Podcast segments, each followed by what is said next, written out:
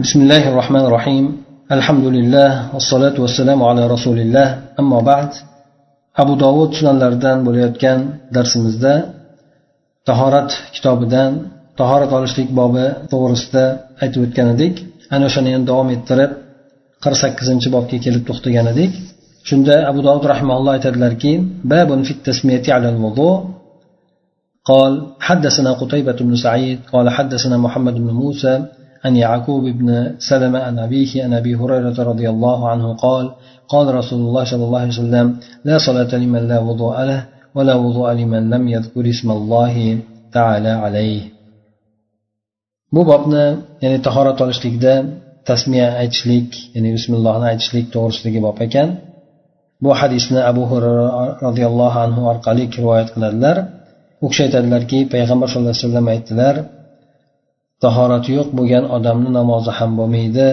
Alloh taoloni ismini zikr qilmagan odamni tahorati ham bo'lmaydi deb aytgan ekanlar. Mana bu ikki bo'limdan iborat bo'lgan bu hadisimiz. Birinchi bo'limda tahorat namoz uchun tahoratni zarur ekanligi to'g'risida payg'ambar alayhissalom aytyaptilar.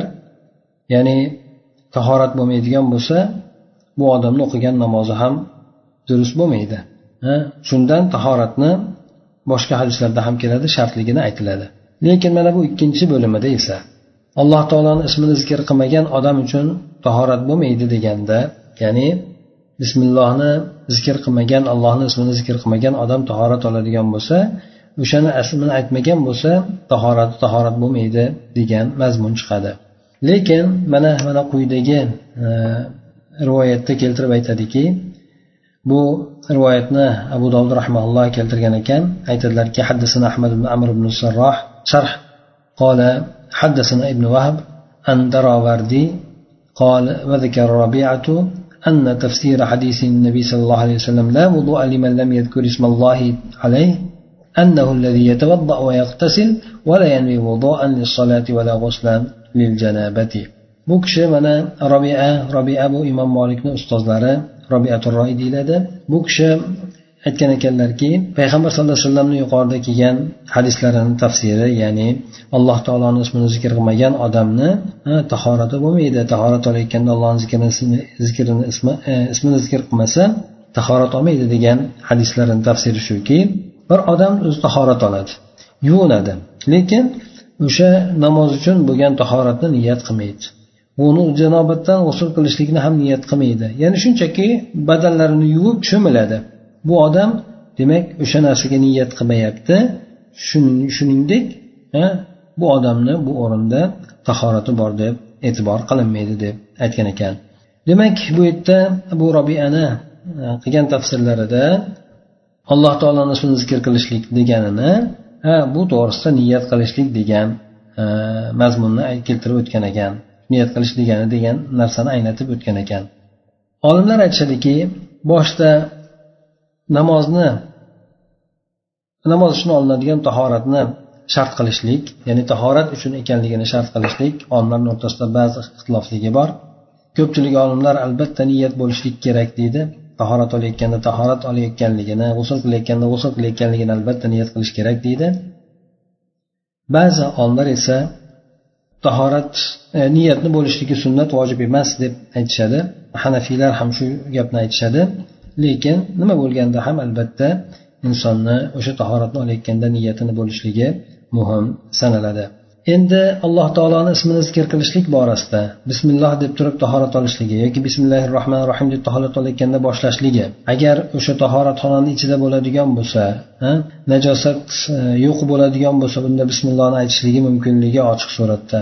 Agar najosat bo'ladigan bo'lsa u tahoratxonani ichida bunda inson bismillohni ichida aytishligi mana shunday deb e, ichida aytish kerak deb aytishadi. Olimlar esa bismillohni aytishlikni ko'pchilik olimlar jumhur olimlar mustahab ekanligini bayon qilishadi. Ya'ni ba'zi olimlar esa buni vojibligini aytishgan lekin aksar ulamolar tahorat olayotgan paytda bismillahni yoki bismillahi rohmanir rohimni aytishlik bu narsa mustahab amal deb keltirishadi. Demak inson tahorat olar ekan albatta tahorat uchun niyat qilishligi ham muhim. Tahorat olayotganligini yoki g'usul qilayotgan bo'lsa g'usul qilayotganligini niyat qilishligi muhim. Shu bilan birgalikda o'sha tahoratini bismilloh bilan aytishlik. Bu ham sunnat ham esa inson bu olimlarni o'rtasidagi bo'lgan xilofdan chiqishlik o'rni bo'ladi. Undan keyingi bobda o'ttiz to'qqizinchi bobda abu dovud rahmalloh aytadilarki bir uchinchi hadis ekan buni hadisi aytadilarki qola haddasana musaddad قال حدثنا أبو معاوية عن الأعمش عن أبي رزين عن أبي أبي صالح عن أبي هريرة قال قال رسول الله صلى الله عليه وسلم إذا قام أحدكم من الليل فلا يغمس يده في الإناء حتى يغسلها ثلاث مرات فإنه لا يدري أين باتت يده bu bobni mazmuni shuki bir odam qo'lni yuvishligidan oldin e, qo'lni idishga kirishlikdan oldin qo'lni yuvorishlik to'g'risidagi bob ekan. Bu hadisni ham abu roziyallohu anhu rivoyat qiladilar. Rasululloh sollallohu alayhi vasallam aytdilarki agar sizlarni birlaringiz kechada uyqudan uyg'onadigan bo'lsa ya'ni kecha uyqusidan turadigan bo'lsa qo'lini uch marta yuvmagunigacha idishni ichiga botirmasin dedilar. Chunki sababi bu odam qo'li qayerda yotganligini uxlayotganda qayerlarga tekkanligini qayerda yotganligini bilmaydi deb aytgan ekanlar. Mana bu hadisni demak undan keyingi rivoyatlarni ham kelib keltirib aytadigan bo'lsak undan keyingini ham abu roziyallohu anhudan rivoyat qilgan payg'ambar sallallohu alayhi vasallamdan rivoyat qilganda mana shu hadisni bunda qo'lini yuqorida uch marta yuvmagunigacha kiritmaydi degan bo'lsa bunda ikki martami uch marta deb aytgan hamda yuqorida kelgan roviy abu rozinni zikr qilmagandir to'g'ri demak amashdan abu solihdan deb rivoyat qilinib ketavergan ekan undan keyingi bir yuz beshinchi hadisda keladi abu dovud rahmalloh aytadilarki قال حدثنا أحمد بن عمر بن السرح ومحمد بن سلمة المرادي قال حدثنا ابن وهب عن أبي عن معاوية بن صالح عن أبي مريم قال سمعت أبو هريرة رضي الله عنه يقول سمعت رسول الله صلى الله عليه وسلم يقول إذا استيقظ أحدكم من نومه فلا يدخل يده في الإناء حتى يغسلها ثلاث مرات فإن أحدكم لا يدري أين باتت يده أي أو أين كانت تطوف يده.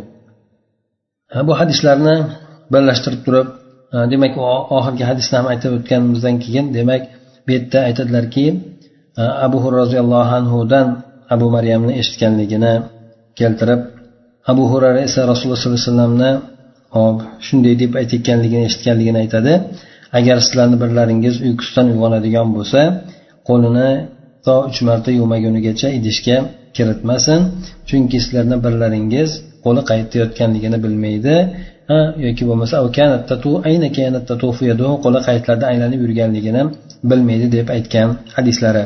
Demak bu hadislar inson ular avvalda qo'lini tog'ora biz tog'ora deb qo'yamiz o'sha tog'oradagi suvga yoki o'sha tog'ora sifat bo'lgan narsadagi idishdagi suvga qo'lini tiqishligidan oldin uch marta yuvasin deb yuqoridagi buyruq keldi. Sababi inson uyqudan turadigan bo'lsa qo'li nima narsalarga tekkanligini bilmaydi. Chunki bu gumon o'rni bo'ladi. Ana o'shandan ehtimol najosatga tekkan bo'lishligi yoki ehtimol tegmagan bo'lishligi ham lekin nima bo'lganda ham ehtimoli bor. Shak gumoni bor. Shuning uchun gumondan forig' bo'lishligi uchun qo'lini o'sha bir tog'ora shunga o'xshagan narsadagi suvga tiqishlikdan oldin qo'liga suv quyib turib uch marta yuvib olib ana undan keyin o'sha tog'orani ichiga qo'lini solib turib undan tahorat olishligi undan yuzini yuvishligi burnini qoqishligi shunaqa narsalarni qilishligi mumkin bo'ladi. Payg'ambar sallallohu alayhi vasallam ayni mana shu narsaga ishora qilib bunda shunday deb aytdilar. Hop bu yerda kechani uyqusidan tursa deb aytildi. Kechani uyqusidan tursa ya'ni inson kechasida ko'p uxlaydi o'zini unchalik nima qilib bilmaydi. Inson kontrol qilib bilolmaydi shuni kuzatolmaydi ya'ni qayerda qo'liyotganligini bilmaydi. Agar inson aniq biladigan bo'lsa unda qo'lini albatta yuvishligi unga lozim bo'lmaydi. Masalan aytaylik qo'liga bir pirchatka taqib yotganda o'sha pirchatkasini olib ertalab turib oladigan bo'lsa pirchatkasi yechilmagan bo'lsa demak bu odam qo'li najosat yoki shunga o'xshagan narsaga tegmagan. Demak aniq biladiki o'sha narsa hop qo'li pok ekanligini. Shundan e, demak inson qo'lni yuvmasligi mumkin bo'ladi. Lekin inson gumon qiladigan bo'lsa qo'lni shunday holatini demak uxlaganda inson gumon o'rni bo'ladi. Ana shuning uchun turgandan keyin tahorat oladigan bo'lsa ya'ni bir idishni ichiga qo'lini tiqmoqchi bo'ladigan bo'lsa unda oldin yuvib olsin deb aytadi. Endi bu yerda obdastalarda boshqa suvlardan e, tashqari quyib ishlatiladigan bo'lsa buni muammosi yo'q. Albatta inson uni ichiga qo'lini solmaydi. Lekin tog'oradan suv olib avvallarda bo'lgan tog'oradan suv olib tahorat qiladigan bo'lsa albatta unda qo'lni yuvib deb aytdilar. Qo'lni yuvishlik bu o'rinda ba'zi olimlar zohiriylar yana ba'zi olimlar bu narsani lozim vojib darajasida aytishgan lekin aksar ulamolar mazhab olimlari bu narsani asosan sunnat bo'ladi. Bunday qilishligi mustahab sunnat amaldir deb aytishadi. Agar inson gumon qiladigan bo'lsa aniq bilsaki najosatda ekanligi unda albatta yuvishligi kerak bo'ladi. Ana o'shandan yana ham aytishadiki demak ozgina bo'lgan najosat agar bir idishga kichikroq bo'lgan bir idishga tegadigan bo'lsa tushadigan bo'lsa bunda idishdagi suvni najosat qilib qo'yishligi mana bu hadisdan olinishligi mumkin deb aytishadi. Bu yerda yana uch marta yuvsin deb aytdi uch marta yuvishligi bu ko'pincha e, najosatni ketkazishlik uchun ishlatiladigan e, sanoq bu narsa yana ana ehtimol bo'lganligidan o'sha uch marta yuvib qo'yishimcha najosat bormi yoki yo'qmi? Baribir nima bo'lganda ham ehtimol bor bo'lishligini e'tiborga olgan holatda bo'ladigan bo'lsak ham bunda uch marta yuvib olishligini bu o'rinda ta'kidlanyapti. Shundan aytishadiki bir najosatni uch marta yuviladi deydi. Yoki bo'lmasa o'sha najosat ketgunigacha yuviladi. Kechasi uyquda deb aytganligini sababi bu g'olibiyatga ko'ra inson kunduzgi uxlaganda ham o'shandek idishni ichiga qo'lni soladigan bo'lsa albatta qo'lni chayqab olsin deydi. Toinki ko'ngli xotirjam bo'lishligi uchun bu narsani aytib o'tganimizdek obdastadan emas tog'oradan suv olib tahorat qilinadigan bo'lsa lekin obdastadan quyiladigan bo'lsa o'z o'zidan inson yoki krandan qilinadigan bo'lsa qo'lni uch marta yuvib og'zini burnini shunday qilib tahoratni davom ettirib ketaveradi. undan keyingi elliginchi bobda aytadilarki babu sifati nabiy sallallohu alayhi vasallam payg'ambar sallallohu alayhi vasallamni tahoratlarini sifatlari to'g'risidagi bob ekan bu hadisni albani rahmalloh sahih deb aytgan ekan abu dovud rahmalloh aytadilarki haddasana al hasan ibn ali ibn al hulvani قال حدثنا عبد الرزاق عبد الرزاق قال أنبأنا معمر عن الزهري عن عطاء بن يزيد الليثي عن حمران بن أبان مولى عثمان بن عفان. قال رأيت عثمان بن عفان توضأ فأفرغ على يديه ثلاثا فغسلهما ثم تمضمض واستنثر وغسل وجهه ثلاثا وغسل يده اليمنى إلى المرفق ثلاثا ثم اليسرى. مثل ذلك ثم مسح رأسه ثم غسل قدمه اليمنى ثلاثا ثم اليسرى مثل ذلك ثم قال رأيت رسول الله صلى الله عليه وسلم توضأ مثل وضوء هذا ثم قال من توضأ مثل وضوء هذا ثم صلى ركعتين لا يحدث فيهما نفسه غفر الله له ما تقدم من ذنبه. Bu hadisni abu dovud rahmaulloh hamron ibn abondan rivoyat qiladi. Usmon ibn affonni ozod qilgan odam ekan. Bu kishi aytadiki men usmon affon roziyallohu anhuni ko'rdimki tahorat olgan edilar. Tahorat olganini ko'rdim bu kishini. Avvalo mana qo'liga suv quyib turib uch marta uch marta suv quyib qo'llarini yaxshilab yuvardilar. So'ng og'izlariga suv olib chayqadilar og'izlarini. Ham burunlarini suv olib qoqdilar. Hop ana undan keyin yuzini uch marta yuvdilar. Keyin esa o'ng qo'lini tirsagigacha uch marta chap qo'lini ham o'shancha yuvdi. Keyin boshiga mahs tortdi. So'ng undan keyin o'ng oyog'ini uch marta chap oyog'ini o'shani mislicha yuvdi. So'ng ana keyin payg'ambar sallallohu alayhi vasallamni aytganlarini ko'rganmanki mana shunday ya'ni kim ya'ni meni tahorat qilganimdaqa tahorat qilgan holatda tahorat qilib keyin aytganlarini ko'rganmanki kim meni mana bu tahoratimdek tahorat oladigan bo'lsa so'ng ikki rakat namoz o'qiydigan bo'lsa unda o'zi hayollariga berilib ketmasa hayollarini jamlab olsa ya'ni hayollarga berilib namoz o'qida nima deyayotganligini bilmasdan nimani o'qiyotganligini bilmasdan shunday bo'lmasdan balki unda hayolga berilmasdan hayolini jamlamagan holatda ikki rakat namoz o'qiydigan bo'lsa yangi tahorat olib turib alloh taolo u odamni o'tgan gunohlarini ya'ni kichkina gunohlarini mag'firat qiladi deb aytdilar. Bu demak bu bobimizda payg'ambar sallallohu alayhi vasallamni qanday qilib qanday suratda tahorat olganligini e, sifati bor ekan. Usmon roziyallohu anhu bu kishi payg'ambar sallallohu alayhi vasallamni sahobalaridan yaqin bo'lgan sahobalardan bo'lganligi uchun keyingi davrda payg'ambar alayhisalomni qanday tahorat olganligini ko'rsatishligi talab qilingan paytida bu kishi o'zlari amaliy suratda qilib ko'rsatgan ekanlar. O'sha biz tahorat oladigan suratda demak uch marta qo'lini avvalo yuvib suv quyib turib uch marta yuvadi. So'ng og'ziga suv olib og'zini chayqaydi u yoq bu yoqqa aylantirib turib keyin istansara degani ba'zi rivoyatlarda ba'zi o'sha nusxalarida buni istanshaqa degan ma'nosini keltirayotgan ekan. Istanshaqa bilan istansarani ma'nosi istanshaqa degani burnini ichiga nafas bilan bir havo bilan birga suv tortishlik degani istanshaqa degani. Istansara esa buni aksi burunni qoqishlik suv bilan e, havo chiqarib qoqishlik degani. Ya'ni bir havo bilan birgalikda burniga suv olishlikni istanshaqa deyiladi ekan o'sha havo bilan birgalikda suvni chiqarib tashlashlikni esa istansara deb aytar ekan. Shundan keyin uch marta yuzini yuvdilar o'ng qo'lini tirsagigacha tirsagi bilan birgalikda uch marta yuvdi. So'ng chap qo'lini ham o'shanday qildi boshiga mahs tortdi. Bu yerda adadini zikr qilgani yo'q mana sanog'ini aytgani yo'q ba'zi rivoyatlarda keladi hali sanog'i. Ho'p so'ng o'ng oyoqlarini uch marta chap oyoqlarini o'shani mislicha yuvdilar deydi. So'ng keyin payg'ambar sallallohu alayhi vasallamni o'sha meni tahoratimga o'xshagan tahorat olganini ko'rdim. Aytdilarki keyin kim ikki rakat namoz o'qisa hayolni chachmasdan hayolni bo'lmasdan hayoliga ketib qolmasdan u odamni alloh taolo o'tgan gunohlarini mag'firat qiladi dedi.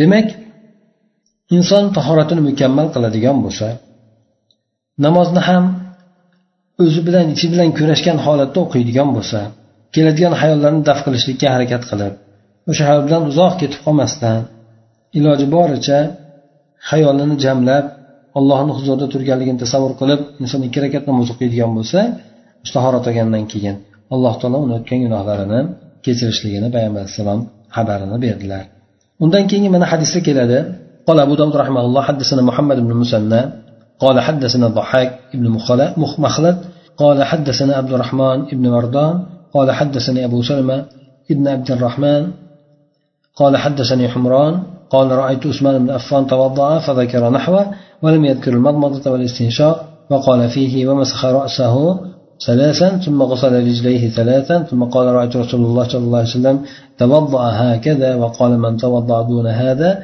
كفاه ولم يذكر أمر الصلاة.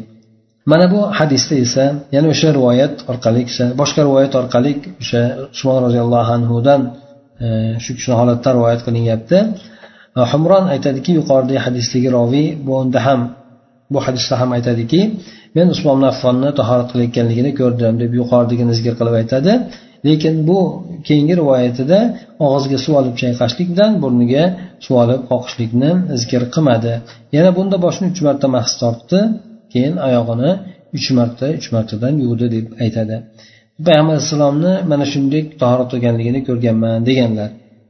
Va payg'ambar alayhissalom aytgan ekanlarki kim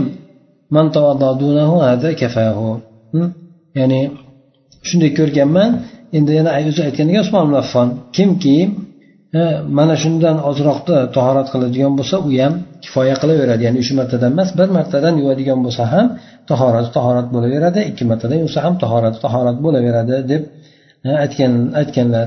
Lekin bu yerda bu rivoyatda yuqorida aytib o'tilgan namoz ishi zikr qilmagan ekan. Ya'ni kimki undan keyin namoz o'qiydigan bo'lsa mana bunday mana bunday suratdan unaga alloh gunohlarini kechiradi degan bu gapni rivoyat qilinmagan ekan. Undan keyingi hadisda keladiki قال أبو داود رحمه الله حدثنا محمد بن داود الإسكندراني. قال حدثنا زياد ابن يونس. قال حدثني سعيد بن زياد المؤذن عن عثمان بن عبد الرحمن التيمي. قال سئل ابن ابن ملي ابن أبي ملي مليكه عن الوضوء فقال رأيت عثمان بن عفان سئل عن الوضوء فدعا بماء فأتي بميضات بميضعة فأصغاها على يده اليمنى ثم أدخلها في الماء فتمضمض ثلاثا واستنثر ثلاثا وغسل وجهه ثلاثا ثم غسل يده اليمنى ثلاثا وغسل يده اليسرى ثلاثا ثم أدخل يده فأخذ ماء فمسح برأسه وأذنيه فغسل بطونهما وظهورهما مرة واحدة ثم غسل رجليه ثم قال أين السائلون؟ عن الوضوء. هكذا رأيت رسول الله صلى الله عليه وسلم يتوضأ. قال أبو داود أحاديث عثمان رضي الله عنه الصحاح كلها تدل على مسح رأس أنه مر فإنهم ذكروا الوضوء ثلاثا وقالوا فيها ومسح رأسه ولم يذكروا عددا كما ذكروا في غيره من أبو aytib o'tgan rivoyatimizda ibn abi mulaykadan so'raldi tahorat haqida so'ralgan ekan bu kishi tobiinlardan hop ya'ni katta tobiinlardan hisoblanadi u kishi aytdilarki usmon roziyallohu anhuni ko'rgandimki u kishi tahorat haqida so'ralgan edi tahorat olishlik haqida so'ralgan edi shunda suv olib kelinglar dedi. Bu kishiga tahorat oladigan suvni olib kelindi. Shuni qo'liga uch marta quyi qilib suv quydi. Ya'ni qo'lni uch marta suv quydida qo'liga qo'liga suv quydida ya'ni qo'lni chayqadi demoqchi. So'ng keyin qo'lini o'sha idishni ichiga kirgizdi. O'sha yerdan og'ziga suv oldi uch marta og'ziga suv olib chayqadi. Uch marta burniga suv olib qoqdi. Yuzini uch marta yuvdi o'ng qo'lini undan keyin uch marta yuvdi chap qo'lini uch marta yuvdi ya'ni tirsakkacha demoqchi. So'ng qo'lini kirgizdida suvni ichiga suv bitta oldida boshiga mahs tortdi quloqlariga mahs tortdi. Quloqlarini ichlarini ham tashlarini ham bir marta yuvdi aytganda qo'li bilan ishqab yuvdi. So'ng oyog'ini yuvdi. Ikkala oyog'ini yuvdi. Aytdilarki tahorat haqida so'ragan odamlar qani dedi. Men payg'ambar sallallohu alayhi vasallamni mana shunday tahorat qilayotganini ko'rgan edim deb rivoyat qiladi. Abu dovud rahmalloh aytadilarki usmon roziyallohu anhuni hadislari sahiy bo'lgan hadislarni hammasi boshni tahor mast tortishlik boshga mast tortishlik bir marta bo'lgan ekanligiga dalolat qiladi. Bular tahoratni e, uch marta ham zikr qilishgan.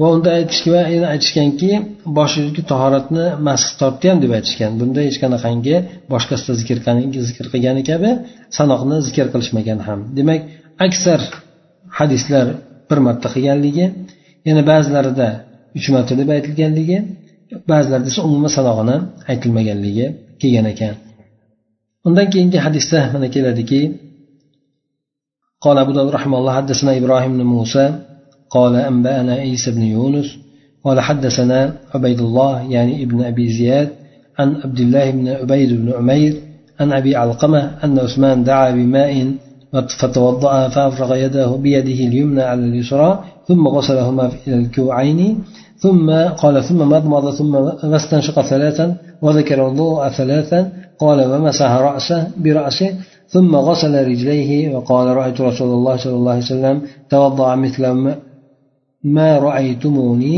توضأت ثم ساق نحو حديث الزهري وأتم bu hadisda esa abu dovud rahmaulloh abi alqamadan rivoyat qiladi bu kishi aytadilarki ya'ni usmon roziyallohu anhu suv olib kelinglar dedi keyin bu kishi usmon roziyallohu anhu tahorat qildi tahoratni shunday qildiki o'ng qo'li bilan chap qo'lini ustiga suv quydi so'ng ikkalasini bo'g'imigacha yuvdi demak kaftni yuqoridagi qismi bo'g'inigacha kuayn degani tepadagi suyak bilan bilak suyagi bilan kaft suyagini bog'lanishligi o'rtasidagi bog'lanish ana o'sha yerda kuayn deyiladi.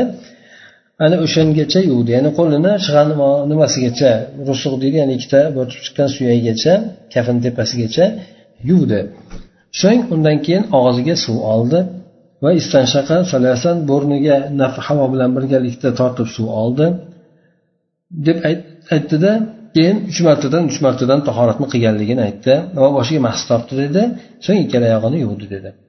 Men payg'ambar alayhissalomni mana shu meni ko'rgandek tahorat qilayotganimni ko'rgan e, ko'rganinglardek payg'ambar alayhissalom tahorat qilganini ko'rganman dedi.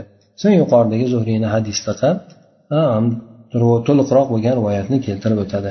Bir hadisda esa keltiradiki haddasana harun ibn abdulloh قال حدثنا يحيى بن آدم قال حدثنا إسرائيل عن عامر بن شقيق بن جمرة عن شقيق بن سلمة قال رأيت عثمان بن عفان غسل غسل ذراعيه ثلاثا ثلاثا ومسح رأسه ثلاثا ثم قال رأيت رسول الله صلى الله عليه وسلم فعل هذا bu shaqiq ibn salamadan rivoyat qilinadi u kishi aytdilarki usmon ibn affonni bilaklarini uch marta uch martadan yuvganligini ko'rdim Va boshiga uch marta mas tortganligini ko'rdim deydi. So'ng aytdilarki rasululloh alayhi mana shunday qilgan edi usmon roziyallohu anhu aytdilar deydi. Hop buni alba rahmaulloh hasan sahiy deb aytgan ekan. Mana bu hadisimizda boshini uch marta mas tortganligini aytilyapti. Hop bu masalalar to'g'risida aytadigan bo'lsak tahorat masalalarini to'g'risida. Tahoratni olishlik mana aytadigan bo'lsak tahoratni farzlari qaysi uni sunnatlari qaysi? Bu borada olimlarni ixtilofi bor. Hanafiy mazhabidagi olimlar mana to'rttani farz deydi. To'rtta ya'ni yuzni yuvishlik qo'lini tirsakkacha yuvishlik tirsakni qo'shib boshga mas tortishlik hamda oyog'ini to'piqqacha yuvishlik. Buni farz deyishadi. Ba'zi olimlar esa og'izni suv olib burniga suv olishlikni ham qo'shib farz deyishadi. Boshdan bo'lganligi uchun.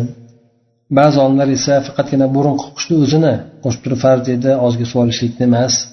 Bu yerda olimlar demak o'sha biz tahorat olayotgandek to'liq suratda qo'lini yuvishdan boshlab turib to oyog'ini yuvishgacha tartibli suratda boshiga ham bir marta mas tortib yuvadigan bo'lsa mana shu to'liq suratdagi tahorat hisoblanadi mana shunday qilishlik mukammal bo'ladi hamda eng to'g'ri tahorat qilishlik bo'ladi. Endi boshiga uch marta mas tortishlik bo'ladigan bo'lsa buni shofiy mazhabida olingan ekan xolos. Uni ham mustahab deb aytilgan ekan. Uch marta qilishligi boshqa a'zolarni yuvgandek lekin ko'pgina rivoyatlar hamda sahihroq bo'lgan rivoyatlar bu bosh tortishlikka faqatgina bir marta bosh tortishlik mas tortishlik bo'lgan ekanligini aytishadi. Ba'zi ba'zi rivoyatlarda mana uchtaligi ham kelyapti lekin uchtaligidan ko'ra o'sha bitta bo'lganligi ko'p deb hadislar orqali sobit bo'lgan deb aytiladi. Ana undan keyin tahorat olayotgan paytda qo'lni ishqab yuvishlik qo'l bilan ishqab yuvishlik shartmi? Bu yerda ko'pchilik olimlar bu narsani sunnat deb aytishadi. Ya'ni e, qo'lni masalan oyog'ini ishqab yuvishlik yuzini masalan ishqab yuvishlik bo'lsin qo'lni ishqab ishqab yuvishlik bo'lsin. Ishqab yuvishlikni umumiy suratda bu narsani sunnat deyishadi. Faqat molikiy mazhabida esa bu dalkni ya'ni ishqab yuvishlikni vojib deb aytiladi. Bundan tashqari yana boshiga mahs tortishlik masalasi ham olimlar bu narsaga bil ittifoq boshga mahs tortishlik farz ekanligini kelishgandan keyin qancha miqdoriga qilishlikni ixtilof qilishgan. Shundan mana ba'zilar mana shofiy mazhabidagilar imom shofiyni gaplarida aytiladiki bu shu bosh deb to'g'ri keladigan ozgina joyga ham mast tortsa bo'laveradi. Hattoki bir dona sochiga ham bo'ladi degan gaplarni aytgan hanafiy mazhabida esa to'rtdan birini aytgan molikiy bilan hambaliyda esa inson to'liq mast tortishligi kerak boshiga boshiga to'liq suratda mast tortishi kerak degan gapni aytadi. Bu bizni avnul mabud kitobimizni sohibi ham ayni shu narsani ta'kidlaydi. Ya'ni to'g'riroq bo'lgani boshga to'liq suratda mas tortishlik deb keltirib o'tadi. Demak inson tahorat olayotgan paytida qo'llarini ishqalab yana boshni ham hamma yeriga mahs tortib og'ziga suv olib ro'zadan boshqa paytlarda g'arg'ara qilib burniga suv olib bunda ham yaxshigina uzoqroq ichkariroqqa suv tortib keyin uni havo bilan chiqarib tashlashlik. Mana shu narsalar qilib tahorat qiladigan bo'lsa albatta aytib o'tganimizdek mukammal tahorat qilgan bo'ladi. Lekin g'usul borasida albatta og'iz bilan burunga suv olib chayqashlik bu narsani bizni mazhabimizda g'usulda farz deyiladi lekin tahoratda sunnat deyiladi. Ba'zi mazhablarda esa g'usulda ham tahoratda ham farz deyilgan. Ba'zilarida esa aytib o'tilgandek birisini farz deganda masalan burunga suv olishlikni farz degan ikkalasida ham og'izga suv olishlikni esa ikkalasida ham sunnat degan olimlar ham bor. Demak biz o'sha bu yerda og'izga ham burunga ham g'usul paytida ham to'liq suv olgan holatda qilinadigan bo'lsa shuningdek tahoratda ham o'sha burunga og'izga suv olib qilinadigan bo'lsa mana shu tahoratni eng mukammal bo'lgan surati bo'ladi undan keyingi hadisda keltirib o'tadiki قال حدثنا مسدد قال حدثنا أبو أوان عن خالد بن علقمة عن أبي عبد خير قال أتانا علي رضي الله عنه وقد صلى فدعا بطهور فقلنا ما يصنع بالطهور؟ وقد صلى ما يريد إلا ليعلمنا فأوتي بإناء فيه ماء وطست وطست فأفرغ من الماء على يمينه. فغسل يديه ثلاثا ثم تمضمض واستنثر ثلاثا فمضمض ونثر من الكف الذي يأخذ فيه وغسل وجهه ثلاثا ثم غسل يده اليمنى ثلاثا وغسل يده الشمال ثلاثا ثم جعل يده في الإناء فمسح برأسه مرة واحدة ثم غسل رجله اليمنى ثلاثا ورجله اليسرى ثلاثا ثم قال من سره أن يعلم وضوء رسول, رسول الله صلى الله عليه وسلم فهو هذا. Bu bir yuz o'n birinchi hadisda keltirib o'tadiki abd ibn abdi rivoyat qilingan ekan. Aytadiki ali roziyallohu anhu bizni oldimizga keldi. Bu kishi namozni o'qib bo'lgan edi. Lekin tahorat suv olib kelinglar dedi. Shunda biz aytdikki tahorat suvini nima qilar ekan namoz o'qib bo'lgan bo'lsa? deb o'yladikda keyin keyin bu kishi faqatgina bizga ta'lim berishlik uchun bu ishni qilishlikni xohlayaptilar deb o'zimizcha aytdik. Keyin ali roziyallohu anhuni oldilariga suv ichida suv bo'lgan bir idishni va tog'orani olib kelindi. Idishdan o'ng qo'liga suv quydi qo'lini uch marta yuvdilar. So'ng og'ziga suv oldilar mazmaza qildilar. Uch marta burniga suv olib qoqdilar. Ya'ni mazmaza qilishligi va burnini qoqishligi suv olgan qo'li bilan bo'ldi kafidan bo'ldi. Ya'ni o'sha suv olib turib o'sha olgan suv qo'li bilan o'sha kafidan demak og'ziga burniga suv tortdi og'ziga burt tortdi nasar degani shu burniga suv ichiga tortib turib qoqdi. So'ng uch marta yuzlarini yuvdilar. So'ng undan keyin o'ng qo'lni uch marta yuvdi tirsagigacha ya'ni chap qo'lni uch marta yuvdi tirsagigacha so'ng qo'lini idishni ichiga chiqdida suv olib demak boshini bir marta mast tortdi. So'ng o'ng oyog'ini uch marta chap oyog'ini uch marta qilib yuvdi. So'ng aytdilarki qaysi bir kimsani xursand qilsaki payg'ambar sallallohu alayhi vasallamni tahoratni o'rganishligiga xursand qiladigan bo'lsa mana shu o'shadir. Ya'ni mana shu men qilgandaqa payg'ambar alayhisalom tahorat qilganlar deb aytib o'tadi.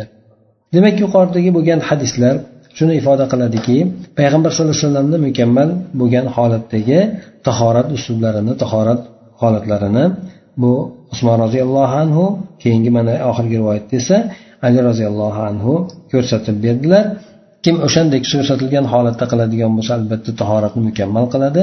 Shuning uchun ancha muncha hadislarda keladiki kim tahorat qilsa tahoratni mukammal olib qiladigan bo'lsa keyin u ishni qilsa bu ishni qilsa manday ajri bo'ladi degan holatda aytib o'tiladi demak o'sha inson tahoratni mukammal qilishligi bu insonga keladigan vasvasani oldin olinishligiga ham sabab bo'lar ekan bundan tashqari insonni o'sha ibodatini mukammalroq suratda ado etilishligi allohni huzurida qabul qilinishligiga ham sabab bo'lar ekan سبحانك اللهم وبحمدك نشهد أن لا إله إلا أنت نستغفرك ونتوب إليك اللهم انفعنا بما علمتنا وعلمنا ما ينفعنا وزدنا علما